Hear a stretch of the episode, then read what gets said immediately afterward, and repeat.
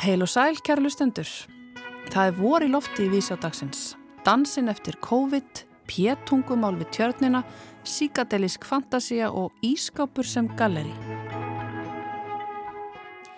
Hverfisgalleri í miðbæ Reykjavíkur er í þann mynd að opna dyrsínar fyrir gestum. Þar er Davíð Örn Halldórsson búinn að setja upp síninguna Mitt litla líf, pappir eða plast.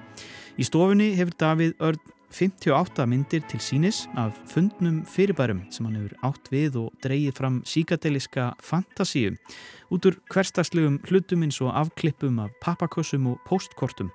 Verkin eru flestöll unnin síðastliðin þrjú ár en Davíð og starfar í Stuttgart í Þískalandi.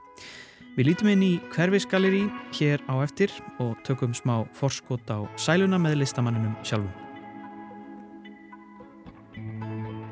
P-tungumál er leinitungumál sem notað var að börnum þegar þau vildi ekki að fullarnir skildu sig.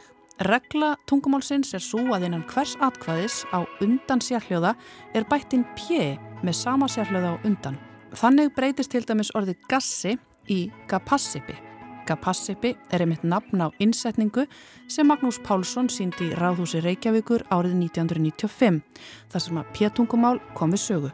Hljóðverkið var nýverið gefið út á samt textum í bók sem að Mumbling Eye gefur út en það er nýtt útgafuhús sem að stefnir á að gefa út hljóðinsetningar og gjörninga í framtíðinni. Við heyrum í Tuma Magnúsinni á eftir. Framhlið Ískápa er vinsælt síningarými hverstagsins. Stundum er hún fagurlega skreitt en hún getur líka verið eins og vel útsett óreiðu innsetning. Sumir vilja hafa ískapana sína án allra skreitinga, aðrir setja á þá örfáa hluti. Hvað segja þessir máttarstólpar eldúsins um eigendur sína og hvað er það sem endar á ískapnum og hvers vegna? Spæjarastofa hverstags saptsins á Ísafjörði fer á stofana og skoðar ískápa í dag. Og Selma Reynistóttir flytur okkur sinn síðasta pistil um dans á tímum dansbans. Pislarnir skoða dans þegar ekki má dansa og hafa meðal annars skoða hliðstæður samkominntakmarkana og óbeitt kirkjunar á dansi fyrir á öldum og kjarabartu dansara. Í dag segir Selma frá því hvernig er að finna aftur taktinn og inblasturinn eftir tveggja ára dansbann. En við byrjum þáttinn í dag á því að kíkja inn í hverfisgalleri.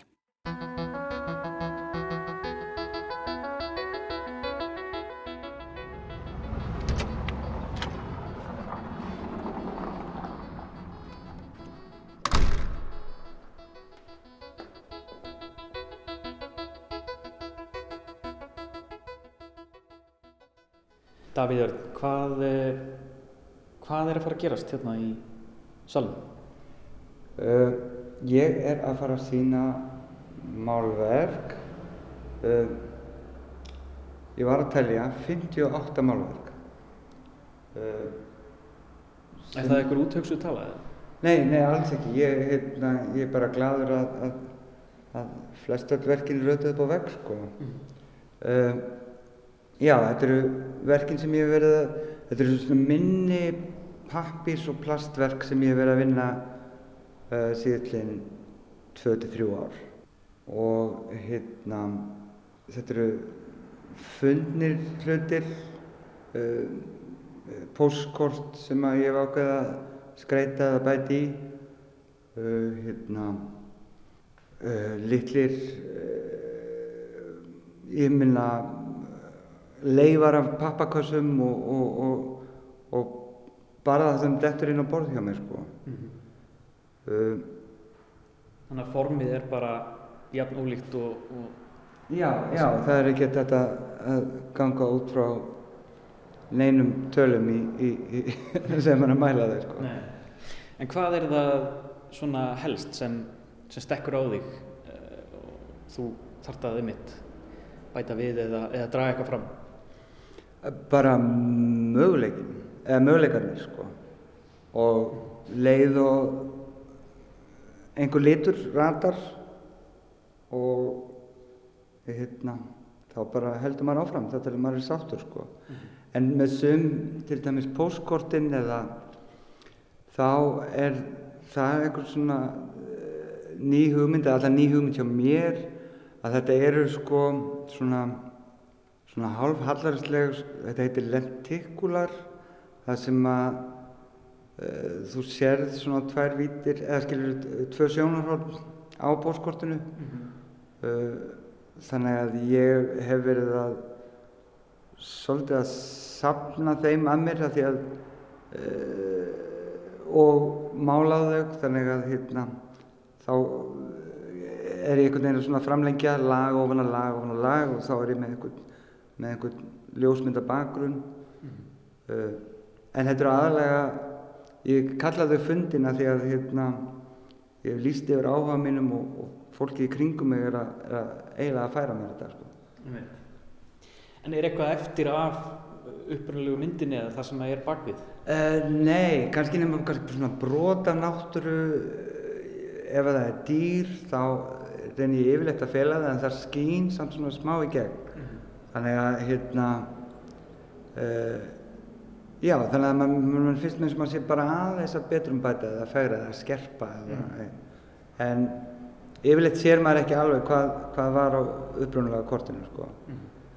Það er óhjákvæmilega hægt að einhvern veginn tala um litadýrð hérna, það eru, það eru mjög, sterkir litir hérna. Og alltaf sama vandamáli með myndlist í útvarpi. Hvernig myndir þú lýsa eh, verkonum með orðum? Þetta er lita fantasia eins hallarslega og það hljómar sko.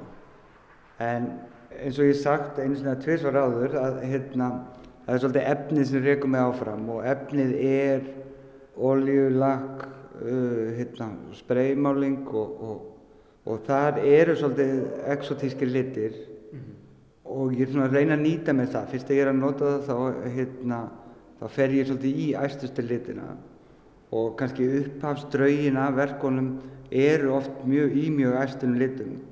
Og eftirleikurinn er kannski að róa þessa, þessa skæru liti ni niður. Svo er líka sko svona ég meina litafræðin hérna óhjákvæmlega laum, laumast af en þá er maður bæði að fylgja reglum og bróta þær en, en, en, en það er bara eitthvað fyrir mig að spekulera á vinnustofunni sko. Maður kannast þau svona eitthvað svona eh, síkadelíu eða eitthvað svona 60's algjörlega, algjörlega. Það er hérna hún þarf ekki að tilhæra neinum áratögi sko. Síkadelíu er bara síkadelíu sko. Mm -hmm. en ég minna það er eins og ég segi þá finnst mér svona eiginlega það penasta sem ég get sagt er bara er notað orðið fantasía sko. Mm -hmm. af því að hérna, það gengur næstu því allt upp en jú, maður verður að, maður verður að svona, það er einhver ægi inn í, inn í þessari síkadelíu og það er, síkadelíu kannski, kemur kannski líka í gegn með svona endutekningu eða, eða að formin svolítið svona flæða og, og, og, og leka og annað.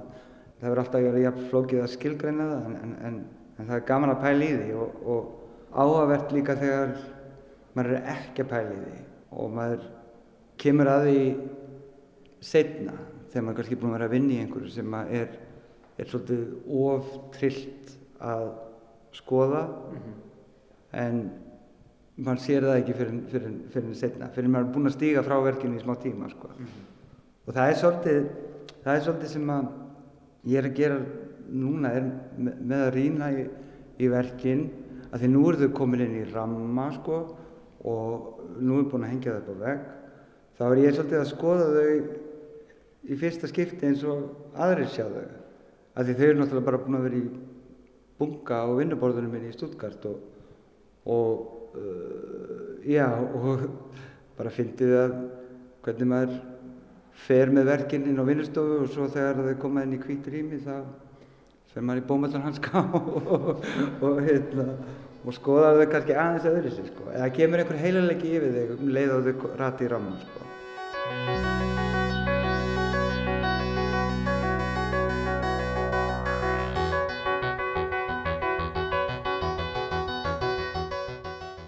eins og ég var búinn að setja upp í haustum á mér áður en að ég mætti á sveiðið þá vildi ég uh, ein, það væri eins og annar helmingurinn á salnum væri eins og skipilöð tannlæknastofa mm.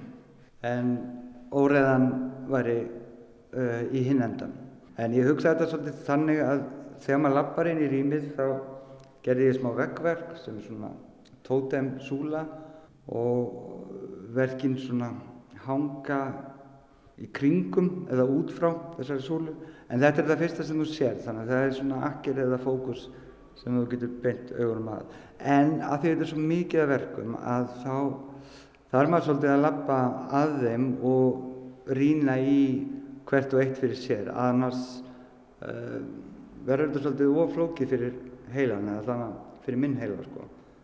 Að, uh, að horfa yfir þetta allt í einu sko.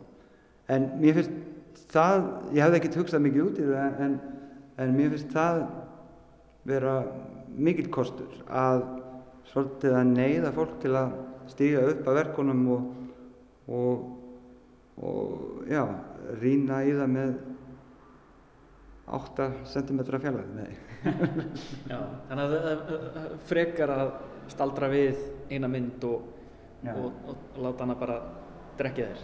Já, þetta er nærsýning, þetta er, þú þarft að, já, ganga alveg upp að þeim. Já. Og þegar það kemur að þessum, þessum póskortum sem að breytist sjónarhóttnið á, þá þarf maður að gera svona lítinn dans fyrir fram að verkið til að Í kringum tótem, tótemsúluna? Já, maður þarf að, rugga sér svona hliða saman hliðar allavega smá.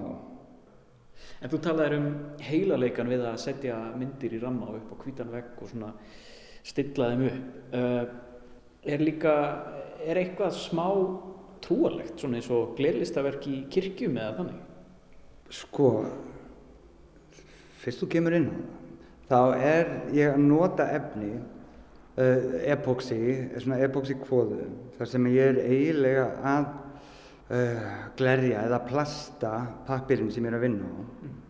og uh, þetta er alveg ótrúlega efni og ég kynnti þau gegnum vinn minn hérna úti í Þýskalandi og en þetta er svo mikið undra efni að kannski þú ert búin að gera með krít eða, eða blíjandi og efnið hreyfir ekkert við litnum en hann breytir pappanum og gerir hann kannski gegnsæðan mm. þannig að það læðist að mannir kannski hugmyndinum steint gler uh, í, í þessari þegar maður að vinna myndinir á þennan hátt sko mm. uh, litirnir kannski eiga eitthvað skilt við steint gler sérstaklega þegar bara dagsljósið skín í gegn sko. Uh, af því þessi æstu spreyliti sérstaklega, þessi neonliti þeir, þeir uh, eru svolítið svona eins og þessi lístir innanfrá sko. Já, og svo kemur svona smá gljái yfir sem að æsi það enn frekar. Já, akkurat, akkurat. En uh, trúalega fólk verður bara að gera það fyrir sig sko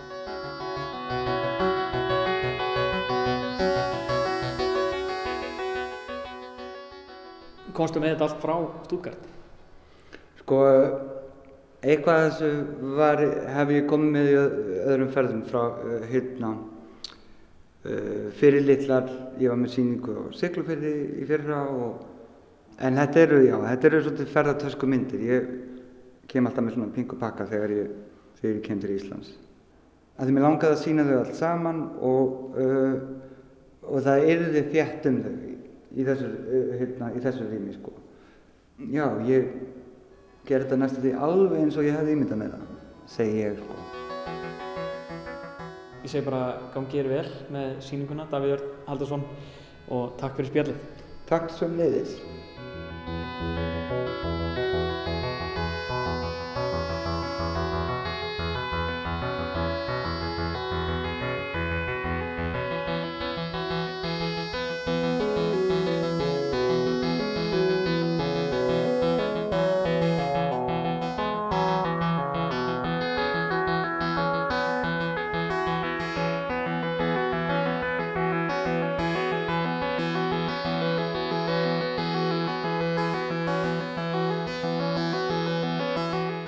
Lægið Patchwork. Þetta er tónlist eftir bandarísku tónlistakonuna og raf tónlistafrumkvöðulinn Lori Spiegel af plötu sem heitir The Expanding Universe mátulega bjagað og síkadelist í bland við spjall við Davíð Örn Haldursson myndlistamann sem sagði þarna frá síningunni sinni Mitt litla líf, pappir eða plast sem opnar í stofunni í hverfisgalleri nú á eftir.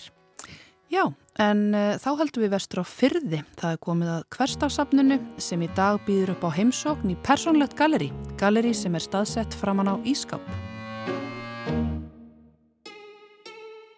Það er háað að róka á Ísafjörði. Smá tilbreytinga á stanum þar sem að loknaðuleg heimili. Og ég er að stiga hérna inn í ölduna. Reisulegt fjölbylshús frá árunu 1907 held ég og hérna á fyrsta hæðinni býr hún Matildur Helgadóttir Jóndóttir.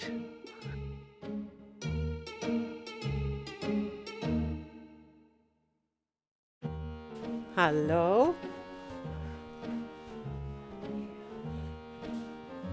Úps, kaffi. Er það kannski bara eftir?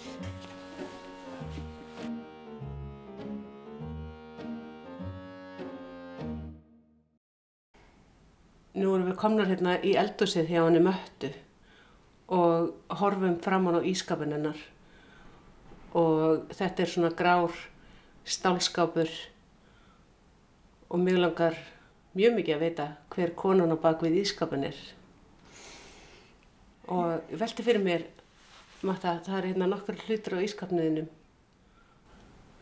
Já, það er nú fyrst náttúrulega verðmætast er kærustu paravind af mér og Gumma. Síðan við fórum í okkar fyrstu sólalandaferð fyrir allir nokkrum árum. Þannig vorum við sólbrún og sæt og örglega smá full líka, sínst að allavega að lífa líf. Og þetta fann ég eitthvað tíma þegar ég var eitthvað að róta og skellti ná í skapin. mm -hmm. Hvað, hérna mér finnst aðteglisvart að sjá hvað það er sem að heldur myndinu uppi Já, það, er alltaf sögur í öllum hlutum. Þessi, sko, þetta er svona, þetta er svona hérna segull sem er líka barmnæla og þetta er mjög skemmtilegt. Og með þess að þegar ég var 50 þá bauði ég náttúrulega fjöldamann sem held út í hátíð í alvöru. Og eitt gestana, hann Ómar Smári, listamæður, vinnu mín, hann færði mér barmmerki sem er líka með segli sem eru sem myndir af gerfvörtunum á honum. Þetta er svona bara loðnar kallagerfvörtur og mér finnst þetta alveg geggjað. Veist, þetta er sko náttúrulega lang eftirminnilegasta ammælisgjöfin sem ég fekk og bara ég held þetta sé eftirminnilegasta gjöf sem ég fengið. En sömu finnst þetta svolítið ógifslegt, sérstaklega þessi yngri kynslu sem finnast hár vera eitthvað ræðileg. Við hérna eldri okkur finnst bara hár eru bara hár, það er sagt líkamshár. En, hérna, já. En þetta er á ískapnum mínum, já.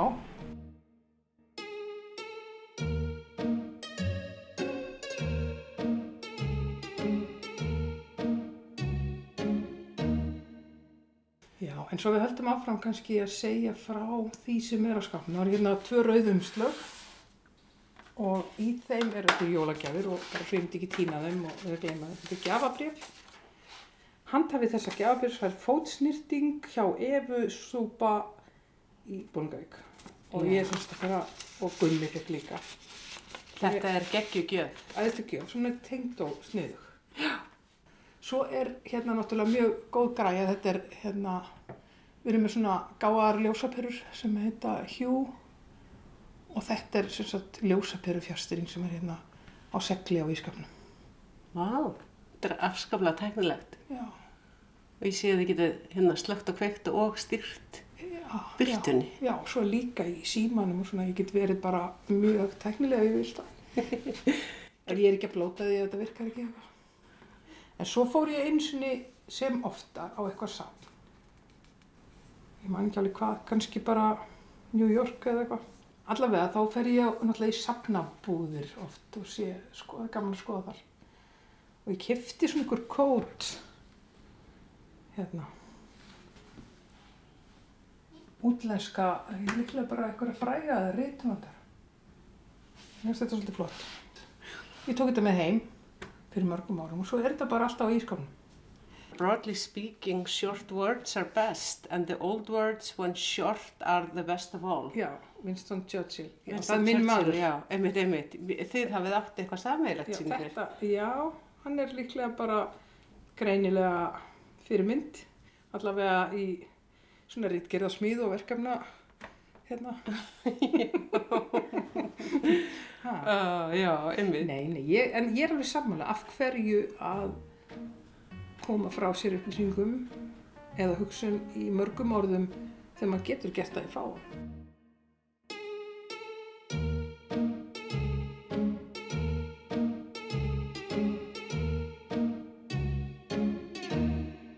Sko hérna nefnilega á þessari hlið, þá er til dæmis einhvern tíminn hef ég greinilega kipt hattarættismiða uh, búið að 13. desember 2021, þetta er nú ekkert svo gammalt. Ekkert svo gammal.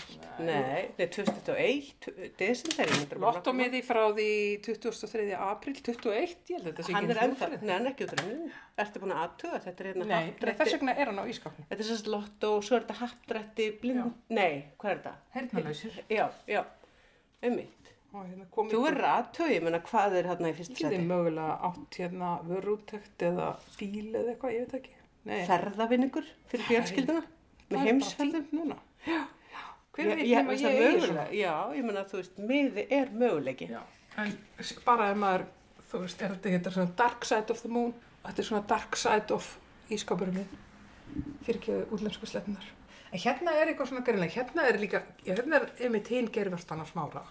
og hún heldur uppi hérna annari gjöf sem ég fekk þegar ég útskrifaðist Róskólum Akureyrum sem nútímafræðingu frá vinkonum sem við löpum stundum og þetta er bara fullt af fjöllum og, og alls konar æðislegu. Já, þetta er svona dagatal og það, þú átt eftir raunverulega að setja inn dagsetningarnar en það er búið að setja inn staðina.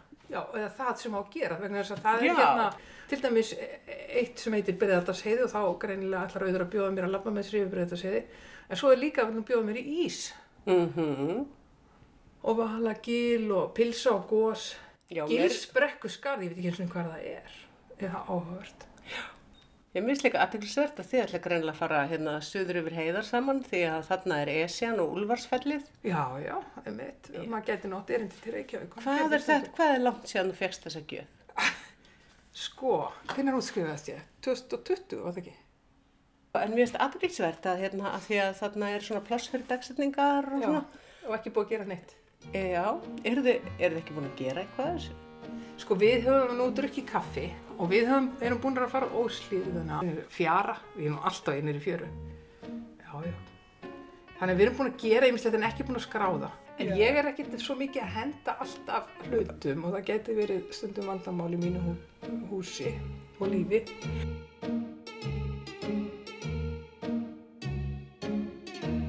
Til dæmis hérna er líka æfingaakstur, svona miði.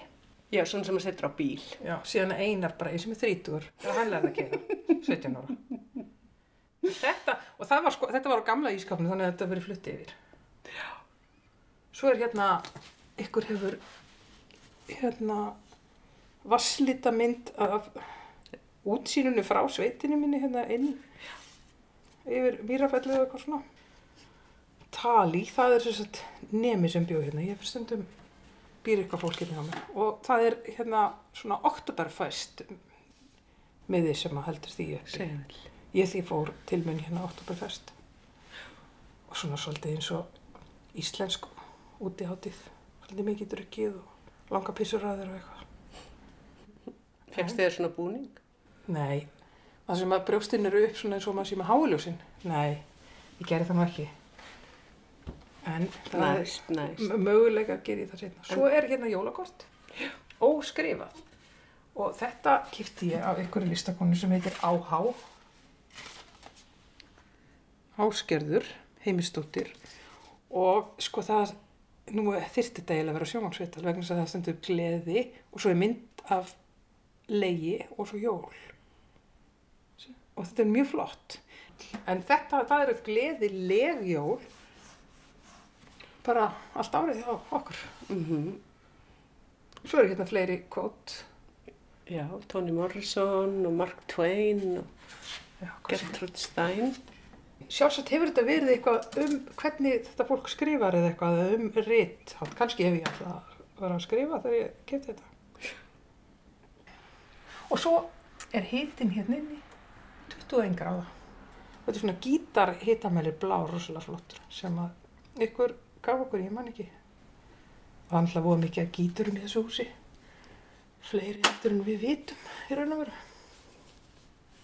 Fleiri gítar en fólk. Hver, já, fleiri gítar en fólk. Algjörlega, fleiri gítar heldur en egg eða appelsínur.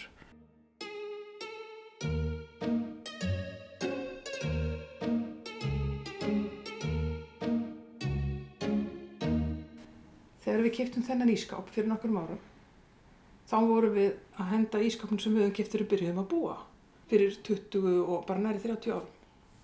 Og Já. allt í lagi með það, nema sko ég leð svona ekki manualinn sko eða leiðbynningarnar með að tækja sem ég kaupi frekar eftir að nokkur annar Íslandingur allavega. En ég rak augun í þessar leiðbynningar að því að það voru myndir af dýrum. Og ég hugsa bara hvað er þetta? Hverju eru dýra myndir á ískapnum mínum? Og þá var það vegna þess að maður ætti ekki að fara í búðina og skila ískapnum ef maður heyrði í honum hljóð sem að væri svona eins og mjálm í ketti eða tíst í unga eða mús eða eitthvað svona.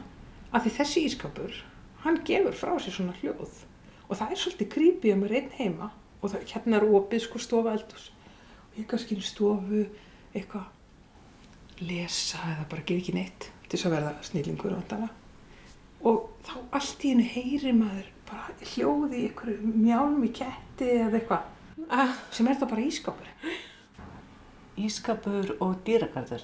já, Bara í saman pakkanum. já sambyggt og Heyrðu, En mér heyrist bara friðurinn vera úti. já, það kom mér kannski Það er bara komið fólk, mætt fólk í hús. Halló.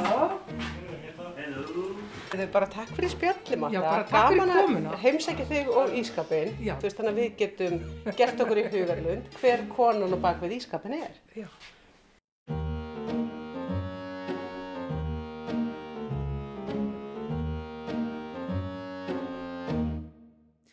Þetta innslag var í bóði hverstags sapsins á Ísafyrði, áhugavert innlit á ískápshurð sem hefur mikla sögu að segja. En þá er það dansinn. Selma Reynistóttir flytur okkur nú sinn fjórða og síðasta pistil um dans og dansbann.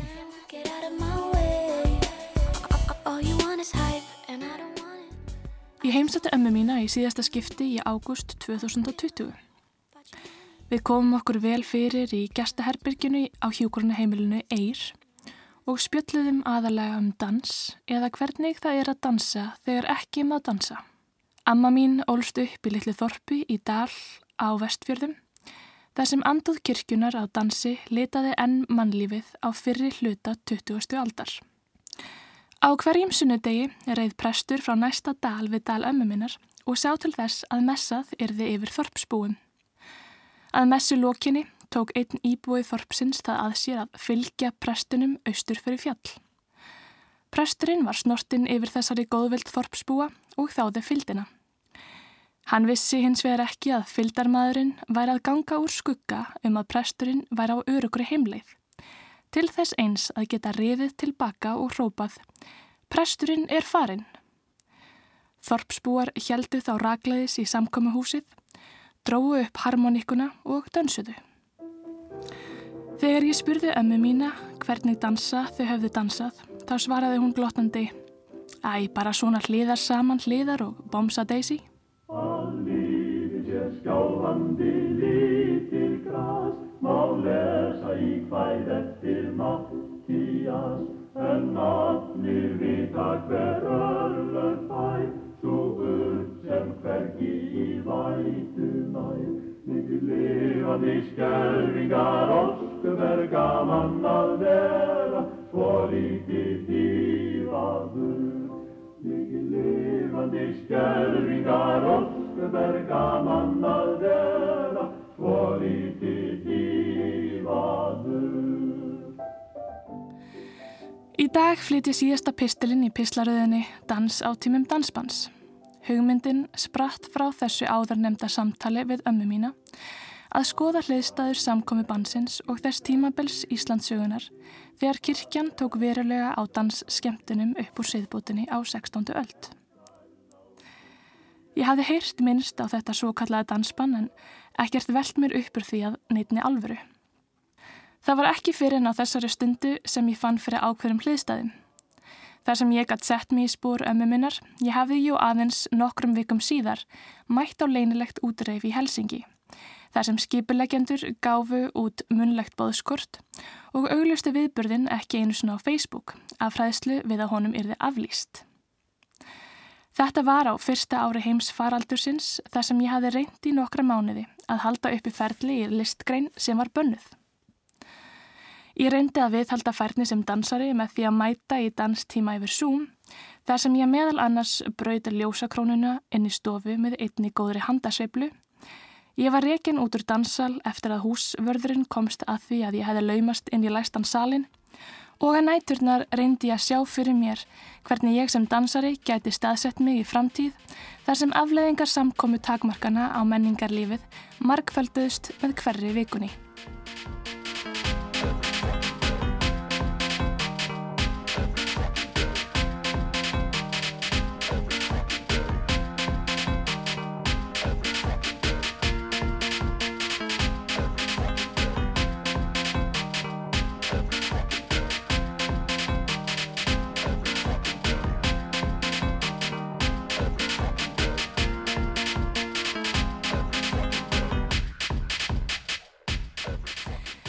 Dag er ég búin að reyna í tvö ár. Ég er honum þreytt og hef gefist upp á því að reyna. Í dag yppi ég aukslum og segi dofin allt er lægi. Dansar en ég líður um líkamann eins og draugur sem getur ekki ákveðið sig hvort hann eigi að vera kveðin upp eða niður. Það var ekki fyrr en fyrir nokkrum vikum sem ég áttaði mig á fjarlæðinni sem hafi myndast á milli mín og dansarans. Það var eins og dansarinn ég var í zombi uppvakningur sem framkvæmir spór úr fyrra lífi, lífi fyrir COVID. Ég fór að há gráta því ég hafði ekki gert mér grein fyrir því fyrir nú að ég myndi aldrei dansa eins og ég dansaði fyrir COVID. Að dansa var aldrei svona erfitt, en það er einmitt í þessum erfiðum sem dansbannið liggur. Það er ekki eins og Íslandi hafi ríkt formlegt dansbann heldur tóku bannið á sig form erfiða. Með síðbótinni mátti til dæmis ekki lengur dansa í kirkjum og að finna húsnaði nógu stórt fyrir dans var erfitt. Fyrir COVID var erfitt að starfa sem dansari en núna er það nánast ómögulegt og stuðningurinn við greinina er það lítill að það ígildir dansbanni. Þetta er búið að vera umurlegt og það lítur út fyrir að það haldi áfram að vera alveg umurlegt en ég veit allavega að ég þarf að finna út úr því hvernig á að dansa á þessum nýju tímum. Það verður ekki sami dansin og árið 2019, hann verður eitthvað allt annað. Annar taktur með öðrum áherslum. Við erum smátt og smátt að gera okkur grein fyrir því að það verður ekkert eins og það var.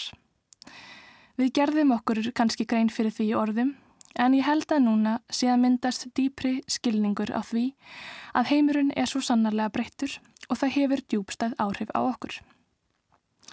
Hvernig staðsetjum við okkur í framtíð sem við gátum ekki ímyndað okkur fyrir þreymur árum? Óvissan er svo algjör að líka minn fyrir að evast um hvort vinstri fóturinn kemur á eftir hæri. Verra er vonleysið sem ógnar getu okkar til þess að dreyma um aðra möguleika en að stíga hægri fætinum framfyrir þann vinstri.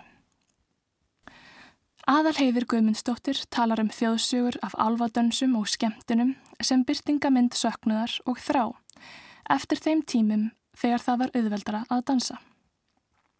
Eins hafa danskvæði eins og vikivakar, sagnadansar og rýmur einnig lifað öldum saman í minningum fólks sem gemdi orðin þegar þau gátu ekki tekið spúrið. Bergmáldansins livði ef til vill í ruggi rýmna söngvarans. Minningin og þráin um að dansa eins og við dansuðum jólinn 2019 situr enn í okkur. Við munum aldrei dansa eins og jólinn 2019 en Við höfum fundið á einn skinni að við þurfum á dansinum að halda. Við þurfum á honum að halda til þess að þjálfa okkur í því að búa til nýja drauma og hvað er betra að láta sig dreyma en einmitt á dansskólfinu? Ef hægri fóturinn stýgur ekki fram fyrir þann vinstri, hvað með að skoða hliðarskrifin? Ég trúi því að í dansinum búi síðasta von mannkins og nú gefst tækifæri á að stilla næsta lag í botn og dansa, kæru hlustandi. Hvernig fyrir þetta? Verður það hægri vinstri og borgaralaun?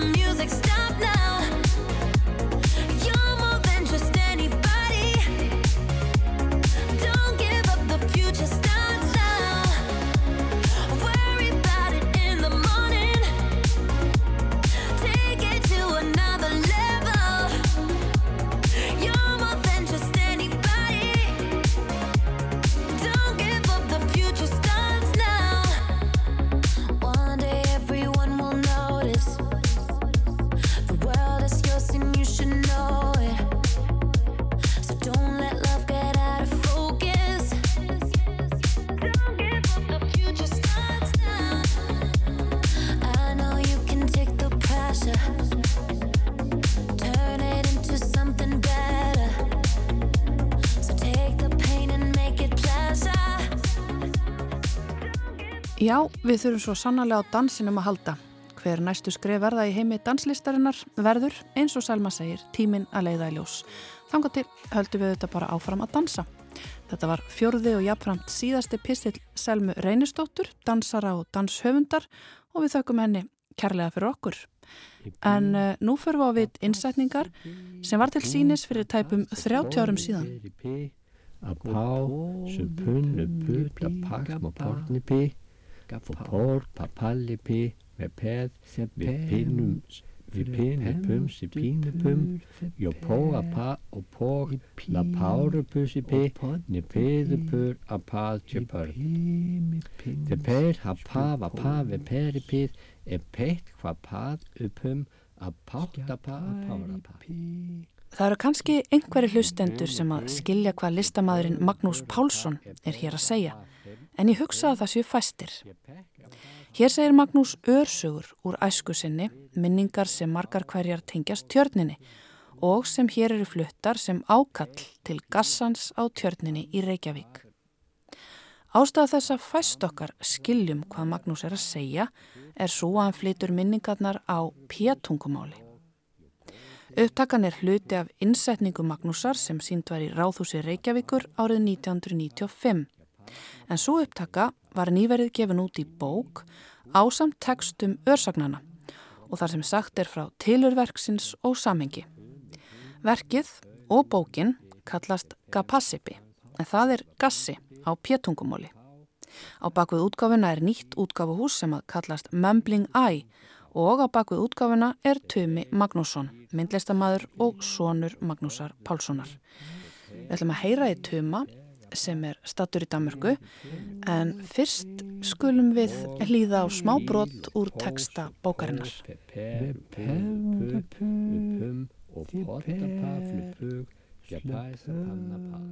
Þegar litið er á þetta í samhengi við myndlistarstarf Magnúsar í heild er verkið Gapassipi gott dæmi um þá áherslu á hljóð sem finna má í verkum hans frá því um 1980 þegar hann kannar samspil hljóðs við gjörningalist, rjóður, leikhús og vídeo.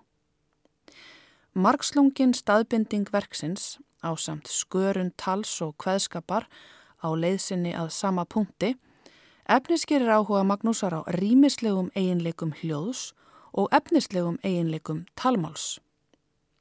Þessi áhugi kom síðar fram í gjörningaverkum eins og ævintýri og hljóð-ljóðagjörningum Magnúsar sem framkvæmt voru af nílókornum sem Magnús stopnaði árið 2003. Könnun Magnúsar á hljóði, gjörningum og sjónrætni list, alveg óháð myndlistarlegum aðferðum, er enn einn hlið á stöðugri þróun hans á persónlegri og heildrætni sín á myndlist.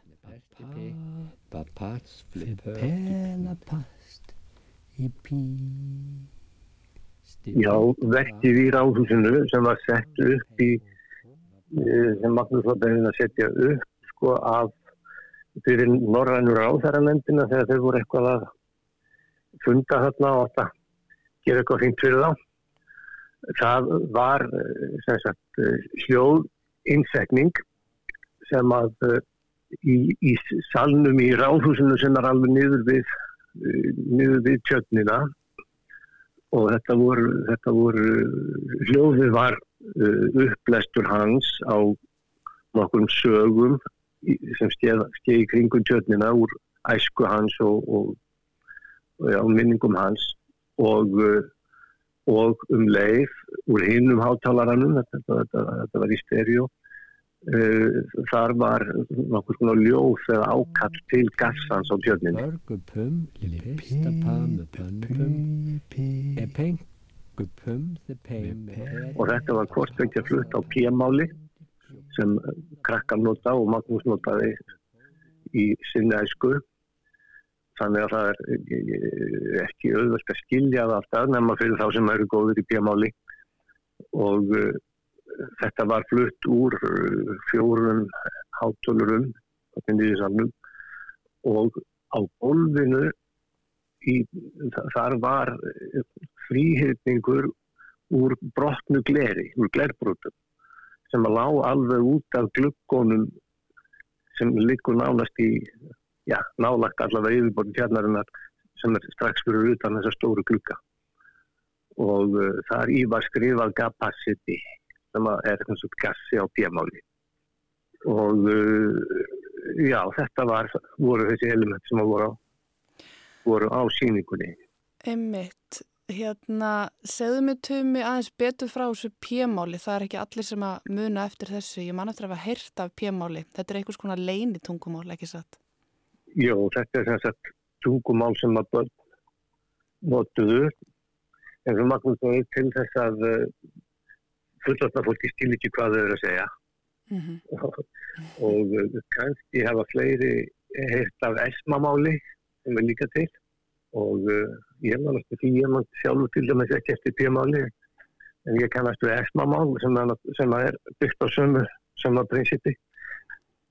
Pjámálinu var það sem sagt að bæta inn PA og svo samhljóða nei sérhljóða uh, já, já, bæta inn PA á eftir hverjum sérhljóða og svo endur teknum sérhljóða þannig að gassi verður capacity Pagn og pokkupurn var par, pansta pantupur að pása pagn og póðupur Núna erum við að hlusta á uh, Magnús flytja þetta, við heyrum uh, hvernig þetta hljómaði í ráðusun á sínum tíma og þetta er óskaplega falleg upptaka og dáleiðandi og fyrsta sem hann er dettur í hug er bara einhver algjör vitleisa, einhver órögleisa um, en svo er þetta bara engin vitleisa, það eru, það er rök, það eru lógík á baku það sem er verið að segja sem er svo merkilegt.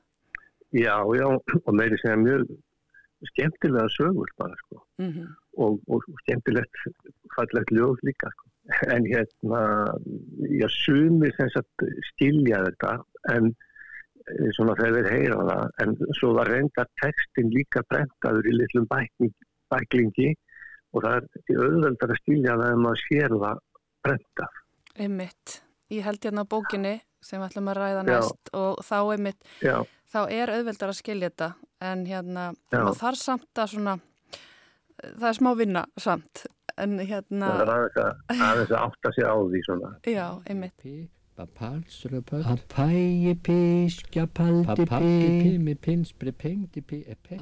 Já, þetta er hérna þetta er meira kannski sko auðvitað hljómar þetta eh, lítur það út eins og bull en Mhm. þegar maður sér það þá er það náttúrulega þá er þetta sögur. En, en uh, þetta er líka hluti af því sem að, að Magnús hefur gert oft að vinna svona með íslenska menningar alveg og í þessu tilfelli þá barnamenningu.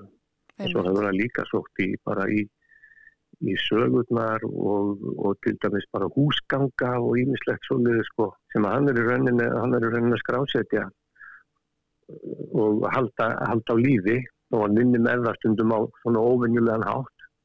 Akkurat. og þarna er það sem sagt p-málið sem að kannski verður auðvitað til þess að p-máli gleymist ekki. Pela papa, a para palti pi, gupuð, jo pós, si Þrýhyrningsformið er nú kannski komið til út af ottaflugi gæsana og sem maður náttúrulega séu ofta á himnunum og en, en hérna glerið er kannski meira svona vísun í, í vatnið eða, eða ísin á vatninu. Mm -hmm. Það er svona minnstakosti einsaga sem að stíður á ís á tjörninni og, uh, og en hann bjó sem strákur um tíma í Hafnafyrði uh, á Setbergi Mm -hmm. og uh, létt sér þá á tjörn sem var þar. Það er margt í þessu verki, Tumi, segðu mig frá þessari bók og hvernig þetta kom til svona mörgum árum síðar að þetta var gefið út. Já, sko það var í tengingu við sýninguna uppálega eða eftir hana, þá var enda gerður diskur sem að er til en þá sko. En uh, það vantaði alveg einhverja vandaði útgáfi með textum og, og ég verið gerð stíl almennilega Mm -hmm. og það gerðum við gerðum við þarna og þetta er sem sagt fyrsta útgáfan í svona litlu apparati sem að við stopnum saman ég og Adam Buffington sem að er amerískur uh, hljóðlistamaður og tónlistafræðingur og uh, ætlunin er að gefa út meira af, sérstaklega af sko, eldri íslenskum hljóðverkum og uh, já, þetta var svona fyrsta. Við höfum þegar að vinna að næsta verki sem er líka Magnúsar. Já, einmitt, útgáfan ykkar kallast hérna Mumbling Eye og hérna... og það er titill sem að kemur frá gömlu verki, gömlu bókverki sem Magnús gerði fyrir 30 árum kannski með nefnendum í Noregi þegar það var að kenna það. Einmitt, það er auðvitað mikilvægt að halda þessum arfi á lofti og þetta er einmitt svona verk sem að eiga kannski bara til einmitt að týnast eitthvað staðar í skúfu. Það er svolítið hætti því. Hvað er svona í kortunum hjá ykkur í Mumbling Eye? Hvernig ætlið að halda áfram með þessi verkefni? Eh, Sko, við erum þegar byrjaðið að vinna svolítið að undirbúa útgáfu á uh, annari innsetningu, hljóðinnsetningu eftir Magnús sem heitir Engin gleipir sólina og var gerð 93. Gapasitinn var sem sagt uh, gerður uh, 95, svo þetta er aðeins eldra og, og var, þetta var verk sem var sínt upptallega í Galli 1.1 á skólaverðstíð Mm. sem Hannes Lárisson rak og uh, listasafni Íslands á það núna og uh, við ætlum að gera þessu stíl á svipaðan hátt og þetta er svona samsafn af einsum húsgöngum og, og, og þulubútum og sem, hann, sem Magnús lærði sem strákur og, og heyrði svona í umhver- umhverju sínu. Hann vannu þetta mikið með hljóð og tilrænir með hljóðlist og, og svona, já, Já. Níló kórinu, þetta stór hluti af hans. Já, já, og við erum vantarlega eftir að gefa út eitthvað af verkum sem að Nílokórin hefur flutt eftir Magnús. En við erum ekki búinir að skipulegja endanlega sko, lengra fram í tíman en þetta.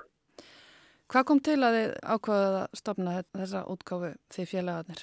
Já, það var nú kannski, það var nú reyndar hugmynd hans uh, Adams og uh, fyrst og fremst bara einmitt til þess að uh, passa upp á þetta týnist ekki eða svona gera, reyna að gera þessum hluta, uh, hluta verka Magnúsar góð stíl.